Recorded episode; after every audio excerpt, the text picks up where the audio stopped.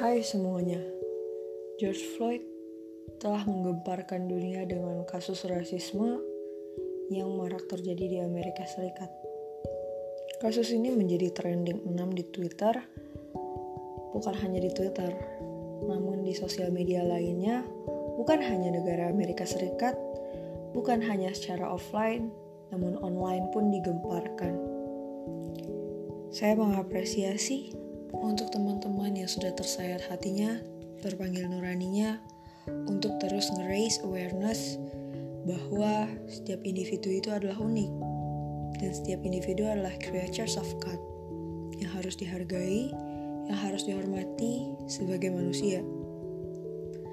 Tren di mana kita saling mengingatkan Black Lives Matters di media sosial ataupun dalam dunia nyata menandakan bahwa generasi saat ini, aku dan teman-teman yang sedang berjuang untuk melawan kasus ini, untuk menyuarakan isu ini, berarti ini adalah kabar baik, di mana awareness kita sudah mulai meningkat. Setidaknya, that's better daripada kita hanya diem aja and see what's happening next, right? Kalau kata Meghan Markle, the only wrong thing to say is to say nothing. It was a good news for us. Namun, ada satu ketakutan yang menjakiti saya setelah melihat teman-teman yang sangat bersemangat, termasuk saya sendiri, bahwa kita akan terjangkit yang namanya self-defense ego mechanism yang dikenalkan oleh Sigmund Freud, seorang psikologis di mana dia mengenalkan istilah ini dalam psikoanalis. Tentunya secara khusus adalah reaction formation, di mana itu adalah suatu formasi yang dibuat oleh kita sendiri untuk mempertahankan ego dengan suatu hal yang kontra dengan realitas kita. Dan yang lebih ditakutkannya lagi, kita itu nggak sadar bahwa kita sedang menutupi realitas yang terjadi di dalam diri kita sendiri. Saya takutnya nih, kita lupa dengan duri yang tertancap di daging kita sendiri, tapi kita udah sibuk ngasih betadin ke teman kita. It was great punya simpati. It was great untuk menyuarakan isu ini. Tapi mungkin tidak harus berhenti sampai di sana teman-teman. Ada hal yang bisa kita gali lebih dalam sehingga kita bisa mencari setidaknya satu thing yang doable dan bisa menjadi langkah awal kita untuk menyelesaikan permasalahan ini dimulai dari hari ini. Jangan sampai nih kita udah koar-koar tentang George Floyd, tentang siapa lagi dah yang meninggal.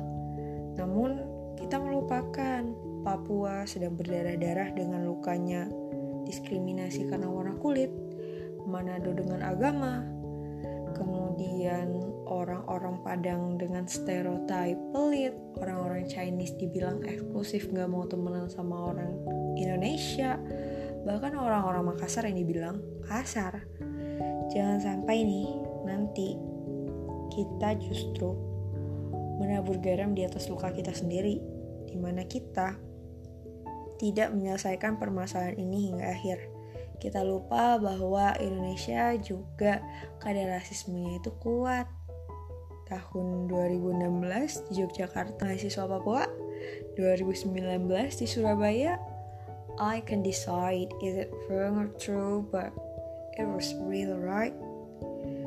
Kemudian, apa nih yang bisa kita lakukan? Gak boleh jauh-jauh kali ya, Ul gue ambil contoh aja misalnya di kelas. Di kelas tentunya banyak lah beragam-ragam orang yang lo temuin dimulai dari yang paling cantik sampai paling buluk di mata kita. Nah biasanya orang yang udah buluk terus tuh gendut kita gak mau temenin ya kan? Kita bilang mungkin dia stereotipnya Ih kalau orang kayak gitu mah cukup banget bau nggak enak ditemenin gitu. Kemudian ada orang yang jilbabnya gede ih biasanya orang yang gede uh, suka ngatur-ngatur. Ih nggak suka gue. That's it. Itu sudah termasuk dalam stereotyping teman-teman. Coba kita lebih uh, melihat sesuatu itu jangan mengeneralisasi satu hal yang pernah kita dengar gitu. Misalnya kayak orang Papua misalnya kasar lah kita bilang coba deh kita berteman sama orang Papua. Lo gak bisa bayangin kan seberapa uniknya diri mereka gitu. Karena kita unik in the, in the our own way gitu. Nggak bisa kita mengeneralisasi semua orang-orang Jawa itu lelet kemudian semua orang Makassar itu kasar-kasar kemudian orang Chinese itu pelit. Nggak semuanya kayak gitu. Berarti kalau kita misalkan masih bersikap seperti itu sebenarnya kita kayak kurang gaul ya teman-teman. Coba deh kita gaulin mereka. Jangan sampai kasus ini nih cuma berhenti di instastory kita aja. Kita bilang Black Lives Matters.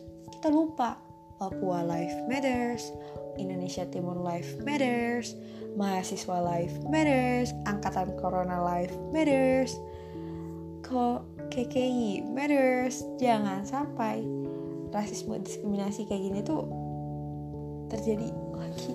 Duh sedih gue kalau misalnya George Floyd itu terbunuh secara fisik kayaknya netizen-netizen Indonesia itu lebih banyak membunuh rakyatnya sendiri dengan psikologis. Ingat gak sih seberapa kita-kita nih nyakitin Bowo? Seberapa kita-kita nih nyakitin KKI Rahmawati Cantika?